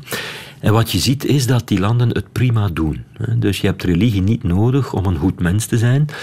Uh, je hebt religie niet nodig, in tegendeel denk ik wel, om een goede democratie te zijn, om secularisme te hebben in de zin van een, een scheiding tussen kerk en staat, of tussen geloof en staat. Dus secularisme is niet antireligieus. Het is pro-vrijheid van religie. Dat wordt vaak uh, misbegrepen. Dus wat je ziet, denk ik, is dat er toch op zijn minst een correlatie is. Wat oorzaak en gevolg is, is dan een hele moeilijke mm. kwestie. Dat landen waar religie niet al te dominant aanwezig is, die doen het op allerlei criteria beter, gemiddeld genomen. De vrouwenrechten worden meer gerespecteerd. Er is meer tolerantie naar bijvoorbeeld homo's. Eh, er is een beter sociaal opvangnet. Eh, er is meer respect voor ja, eh, de mensenrechten in het algemeen en ga zo maar door. Dus dat is de manier waarop ik daar tegenover sta. Dus als je dat heel globaal beschouwt, dan denk ik dat het, dat het goed is, moest Eigenlijk formuleer ik het liever zo dat we de irrationele aspecten van onze psychologie er meer en meer uithalen. Want in religie zitten natuurlijk veel irrationele aspecten. En hoe kan je jongeren daartegen wapenen, tegen dat uh, irrationalisme? Ik denk op de eerste plaats door hen te leren hoe het komt dat we kwetsbaar zijn voor allerlei vormen van bijgeloof en irrationalisme. Dat is een beetje een stokpaardje van mij. Uh door, jongeren kritisch denken aan te leren en door hen te laten inzien hoe het komt dat de mens in het algemeen zo makkelijk tot misvattingen komt. Het is een beetje een ingewikkelde kwestie, maar uh, er zijn toch de laatste decennia redelijk wat studies naar irrationalisme. En dus louter intelligent zijn of goed geïnformeerd zijn helpt niet noodzakelijk. We hebben in een zekere zin ingebakken psychologische mechanismen die ons uh, irrationeel maken. En ik denk het, het beste wapen daartegen, als je dus liever niet irrationeel bent, hè, wat eigenlijk toch wel voor de meeste mensen helpt, neem ik aan, is begrijpen hoe dat werkt. Zoals je dus ook kunt begrijpen, beter als, als je weet hoe je metabolisme werkt, hoe, hoe voeding werkt, eh, hoe je energiehuishouding werkt enzovoort, dan kun je ook gezonder leven. Mm. En gewoon al zeggen, neem geloof niet al te serieus, neem de islam niet al te serieus. dat vind ik natuurlijk een buitengewoon goede invalshoek. Dus, dus zodra mensen daar wat al te rigoureus en fanatiek in worden, loopt het meestal fout. Terrorisme, krijgen we dat ooit de wereld uit?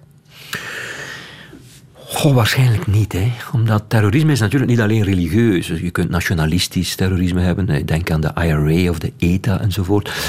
Dus terrorisme is natuurlijk een neveneffect van het feit dat wij uh, groepsdieren zijn en onze eigen, ik heb, er, ik heb er al naar verwezen, onze eigen klanmentaliteit mm willen verdedigen. Soms zelfs met opoffering van het eigen leven. Hè. Denk aan zogenaamd zelfmoordterrorisme.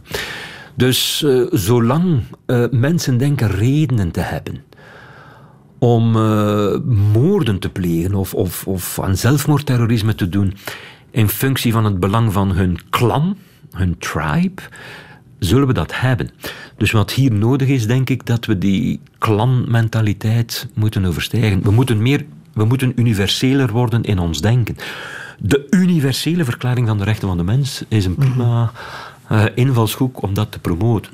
Zullen we ooit zonder religie leven? Vermoedelijk niet, omdat het uh, een spontaan neveneffect is van een aantal psychologische vermogens die we hebben. Maar uh, het, religie, denk ik, zal. Ja, ik ben daar optimist over. Als, als dat uw standpunt is, uh, heet dat optimisme. Want als je heel erg religieus bent, dan, dan is dat natuurlijk een mm. vorm van pessimisme. Maar ik ben optimist in die zin dat ik denk, uh, en dat blijkt toch ook wel uit de data, uit de cijfers en de statistieken dat uh, meer en meer mensen wereldwijd de democratie een zeer goed idee vinden. En democratie zorgt voor meer en meer secularisme, zoals ik het al omschreven heb, mm. maakt religie meer en meer tot een privézaak en zorgt voor de verspreiding van meer en meer universeel humanistische waarden. Die kunnen religieus getint zijn, maar dat steeds meer mensen beseffen dat dat niet hoeft.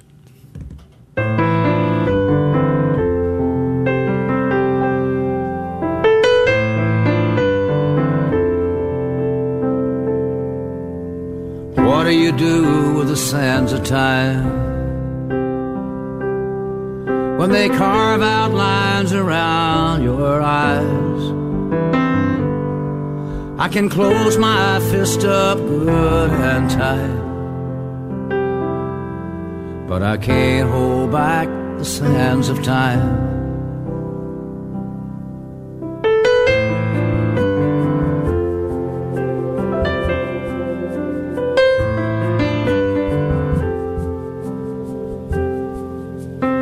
What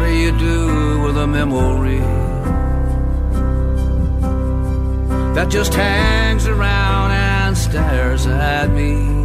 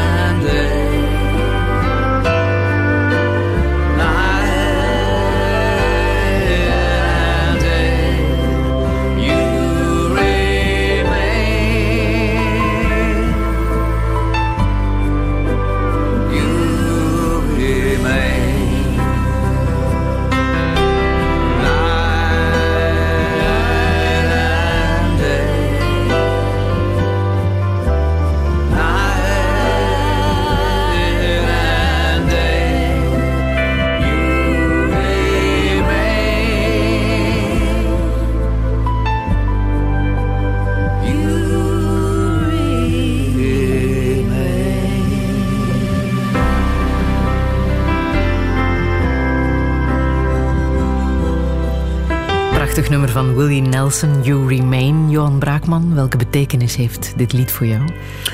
Wel, hier de tekst natuurlijk. Het gaat over eh, verloren relaties. En, en die natuurlijk deel gaan uitmaken van je biografie, van je geschiedenis. En die, ja, die, die in je systeem zitten en die je niet kunt weggommen, uitgommen. En, en daar moet je leren mee leven, daar moet je leren mee omgaan. En hoe ouder je wordt, ja, hoe, hoe meer er zaken in je leven gebeuren waar je moet leren mee leven.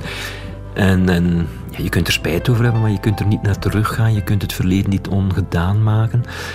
Dus dat, dat is zo voor een stuk in mijn leven, maar dat is denk ik in ieders leven zo. Als je een beetje geleefd hebt, dan is dat iets onvermijdelijks. Hè? En uh, ja, Willie Nelson, veel van zijn liedjes gaan eigenlijk over, ik zal maar zeggen, die problematiek. Hè? Hoe, hoe, ga je, hoe ga je daarmee om? Uh, Heb je iets gemist in jouw leven? Nee, ik denk het niet. Uh, ik heb geen kinderen en ik kan me voorstellen dat veel mensen dat als een gemis kunnen ervaren. Er zijn mensen die ongelooflijke inspanningen doen om toch aan een kind te geraken. Hè. Dus uh, de wetenschap uh, moet dan en de technologie enzovoort. En ik begrijp dat wel ergens, maar zelf heb ik dat helemaal niet. Dus ik, ik heb niet het gemis van geen kinderen te hebben. En, en verder eigenlijk, eigenlijk ook niet echt. Ik, ben, ik heb niet zoveel spijt. Ik heb zeker geen verbitterdheid of zo, dat heb ik allemaal niet. Ik sta vrij gezwind in het leven, gemiddeld je doet, genomen. Je doet alles om een goed leven te leiden. Hè? Een goed leven in de zin van niet per se moreel of zo, maar, een, een, ik, ik probeer van elke dag iets goeds te maken. Wat is dat, het goede leven? Ja, ik denk dat er vele goede levens zijn. Hè. Dus het is, het, is, het is iets in het meervoud. Iedereen ah. kan dat voor zichzelf invullen. Maar kijk, in de filosofie is men daar wel al mee bezig sinds, op zijn minst sinds Aristoteles schreef daar al over. Hè. Ik denk, uh, een leven uh, dat streeft naar authenticiteit, integriteit. Een leven waar je misschien op het einde kunt op terugkijken en kunt zeggen, ja, het is wel goed geweest zoals het is. Dus als je met dat liedje van Willie Nelson... Het is onvermijdelijk dat er dus uh, littekens ontstaan enzovoort in je leven en dat je spijt kunt hebben. Maar als dat ergens binnen de perken kan blijven en als, als de optelsom positief is, uh, als je zoals in het Egyptische dodenboek staat, niet te veel mensen hebt doen wenen, uh, maar ook dat is onvermijdelijk, mm. denk ik. Uh, dat, dat is misschien een rode draad door het goede leven. Een positieve invloed proberen uit te oefenen op je omgeving. In dat goede leven mag volgens jou ook traagheid en luiheid zijn. Ja, dat houdt mij ook al een tijdje bezig. Dus ik, ik Luiheid is natuurlijk, uh, klinkt heel negatief in onze cultuur, die, die zeer prestatiegericht is en competitief is enzovoort. Dus, dus als je hard werkt, dan bereik je van alles en dat is goed. Maar, uh, maar luiheid in de, in de. Ja, ik probeer er een positieve zin aan, een positieve draai aan te geven. Luiheid in de betekenis van je tijd nemen voor wat ertoe doet. Uh, je waardenhierarchie zo nu en dan eens herdenken beseffen dat het leven kort is en dat, dat, dat belangrijke dingen vaak toch met andere mensen te maken hebben en dat je dus tijd met andere mensen moet doorbrengen, dat je moet de juiste gesprekken proberen te voeren, dat je de juiste aandacht moet hebben voor mensen. Niet dat ik daar dus altijd in slaag, he, verre van, maar het houdt mij wel bezig. En we hebben er ook al over gehad, professioneel, heel veel mensen ervaren dat uh, er is geen tijd meer voor niks. Hè? Dus uh, we spurten van het een naar het ander. We, we zijn tot, tot s'nachts bezig met e-mails en de sociale media enzovoort. Dus, dus, dus ergens, dat, dat, er, is, er zit er een soort, soort waanzinsfeertje in, vind ik. Maar hoe doe jij dat om traagheid uh, en luiheid in je leven te integreren? Ik, ik vind het zeer moeilijk. Ik heb, enkele jaren geleden ben ik eens een jaar gestopt. Dus echt verlof zonder wedden genomen. Jouw beruchte sabbatical. Ah, ja, dat, dus het was geen sabbatical in de academische zin. Maar een, gewoon een jaar verlof zonder wedden. En dat werkte wel, want toen had ik echt tijd om gewoon s ochtends rustig... Uh, eerst een beetje de tuin werken, dan een paar uurtjes lezen en, en bij vrienden op bezoek gaan. En, en, en, dat werkte wel. Maar zodra je weer aan het werk bent, professioneel, ja, lukt dat natuurlijk niet meer. Was dat een grote schok terug uh, je normale nee, leven op? Niet echt, omdat ik wel wist hoe het zou zijn. Kijk, een jaar eruit is ook niet zo lang. Mm -hmm. Moest jij hier nu een jaar verdwijnen, uh, je zou dat merken. Een jaar later, je, je, het is zoals fietsen, hè. je verleert dat niet en, en je zit er onmiddellijk weer in. En ik hou ontzettend veel van mijn werk, voor alle duidelijkheid. Maar ja, ik, ik kan niet anders aan vaststellen dat dat, dat gaat met jou aan de haal. Zie je? Mm -hmm. uh, je, je? Het is heel moeilijk om dat stop te zetten. Dus ik, ik, ik denk daar alle dagen over na.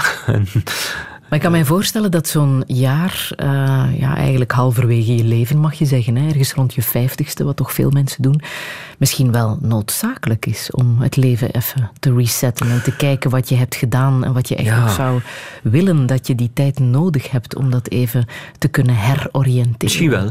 Kijk, iedereen moet dat voor zichzelf uitmaken, mm -hmm. maar uh, ja, voor mij heeft dat misschien toch wel dat effect gehad. Dat zou wel kunnen. Hè. Uh, nu, ik ben van nature uit ook wel geneigd om veel te relativeren en de dingen niet al te ernstig te nemen. Maar als ik rondom mij kijk, en ja, er zijn ook steeds meer boeken over, en, en mensen hebben burn-outs en depressies en, en zijn, zijn in therapie en weet ik veel wat allemaal. Heel veel mensen worstelen daar blijkbaar mee. Hoe, hoe zetten we die knop even af? Hoe gaan we met die malle molen om? Eigenlijk willen ze eraf, of ze willen hem trager doen draaien, want ze weten dat hun kinderen groot worden zonder dat ze het hebben meegemaakt. En dat ze hun vrienden verwaarlozen en, en, en hun ouders worden ouder en ze uh, gaan er niet voldoende bij op bezoek enzovoort. Mensen beseffen dat allemaal wel, maar hebben het zeer moeilijk om, om tegen die stroom in te gaan. Dus uh, voor mij dat jaar heeft mij daar wel bewust van gemaakt. Uh, het is al bij al ook allemaal niet zo geweldig belangrijk. Dat waar wij zo veel drukte over maken op ons werk en, en ja, je moet niet, niet, niet per se alles willen nastreven in je carrière. Je moet niet per se die bevordering hebben of die topjob of, of, of weet ik veel, of die eindcijfers of wat, wat het ook mag wezen in jouw persoonlijke dat context. heb je niet? Die, ik heb die dat absolute niet. ambitie? Nee, dat heb ik echt niet. Jij wordt nooit rector van de universiteit in Gent? Nee, maar ik ben heel blij dat goede mensen dat wel willen doen. Maar dat heb ik absoluut niet in mij. Ik ben eigenlijk er allemaal zo'n beetje ingerold eerder, Mhm. zonder dat ik er naar gestreefd heb. Ja. Hoe kijk je daarnaar, naar dat rectorverhaal eh, en hoe het nu gaat in Gent? Oh, ik denk dat men daar eerlijk gezegd in de media toch een beetje te veel drukte rond maakt. Eh, ook dat is allemaal heel relatief. Dat duurt dan vier jaar, daarna zijn het weer verkiezingen. Een rector kan ook maar, zoals een politicus, hè, kan ook maar zoveel doen. Hè. Je zit toch met de raad van bestuur en allerlei checks en balances enzovoort. Eh, je kunt natuurlijk wel je stempel drukken. Maar het maakt misschien allemaal ook niet zo geweldig veel verschil. Ik bedoel, er zijn faculteiten, er zijn decanen, er zijn bestuurskaders, weet ik veel. Dat, dat, dat gaat allemaal mee in de manier waarop beslissingen genomen worden. Als het capabele, verstandige, integere mensen zijn, eh, of ze nu vrijmetselaar zijn of katholiek zijn, dat is allemaal niet zo verschrikkelijk relevant hoor.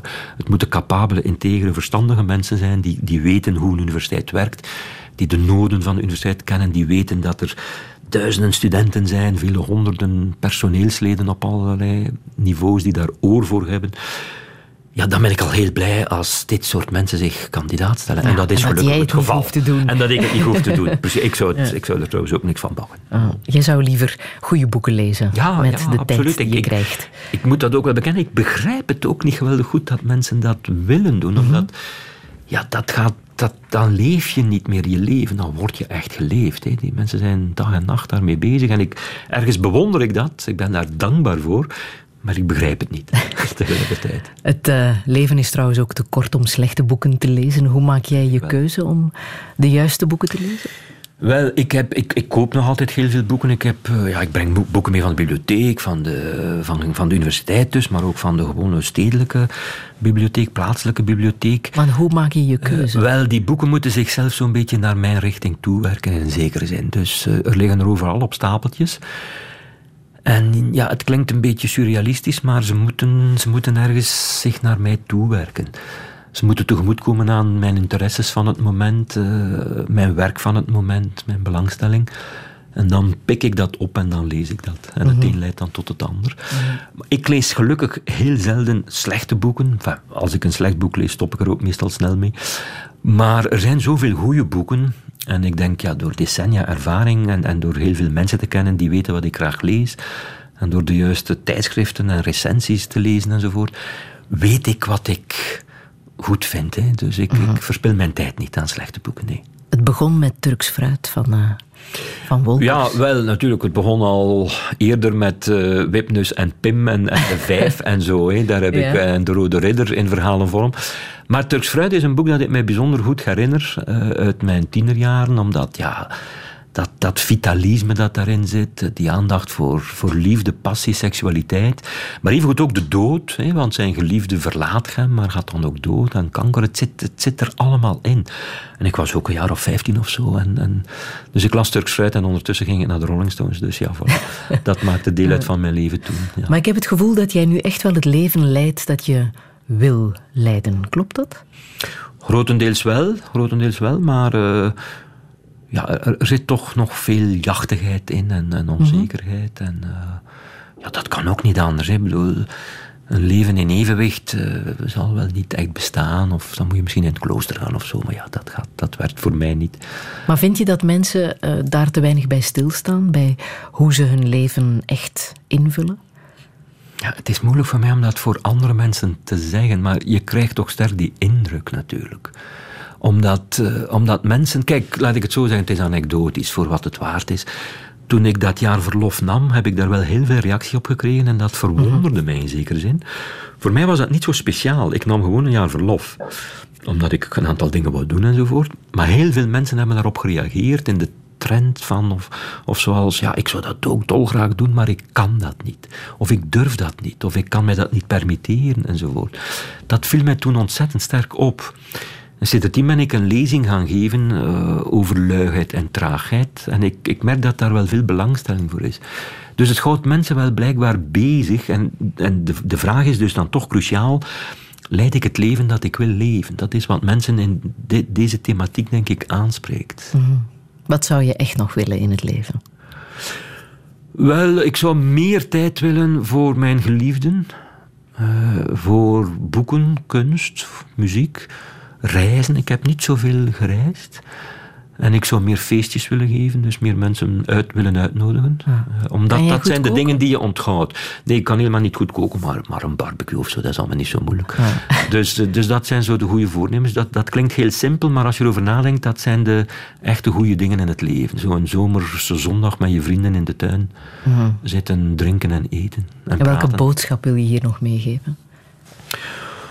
Goh, dat is ook zo moeilijk, hè? maar misschien dat mensen het, Ik heb het al een paar keer gezegd. Dat je het allemaal niet al te serieus moet nemen. Het, het, leven is kort. Verspil niet te veel tijd aan ruzies of piekeren of wat dan ook. Als je het kunt permitteren, hè? want je moet een beetje de juiste psychologische gemoedstoestand daarvoor hebben. Maar voor je het weet is het over hoor, dus uh, maak er het beste van. Ik heb nog muziek van uh, Vast, Flames. Uh, Vast staat voor Visual Audio Sensory Theater. Ik kende ze niet. Jij wel. Ja, maar ook niet echt goed. Maar het liedje dat ik uh, ja, ah. gevraagd heb om te laten spelen is, uh, is een liefdesliedje waar ik persoonlijk nogal aan gehecht ben. Vandaar.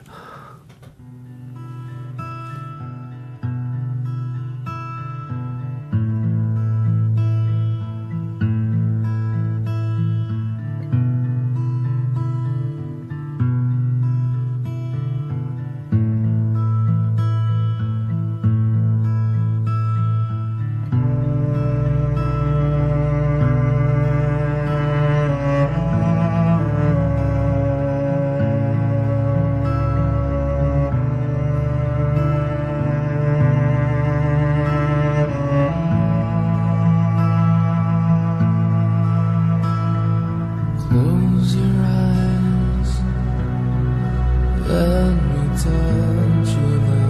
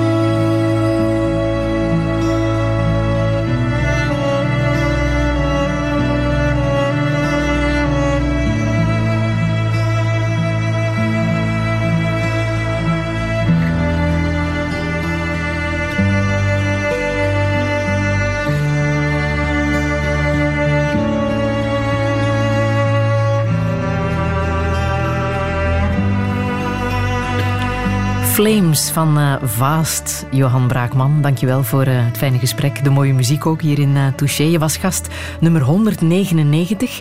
Volgende week vieren we de 200ste uitzending live in 30cc in Leuven. De zaal zit ondertussen nog vol, maar luisteren kan natuurlijk altijd. Um, we beginnen eraan om 11 uur met muziek van Ertebrekers en met ontzettend veel gasten. Onder andere Paula Semer, Arno, Wim Willaert, Peter van der Meers, Rudy Franks, Tanja van der Zanden. Die komen allemaal het podium op. Heel veel volk, natuurlijk ook luisteraars in uh, de zaal. Ik kijk er erg naar uit. Zometeen is er Grand Cru en Sportza. Herbeluister dossier via de podcast Radio Plus en radio1.be.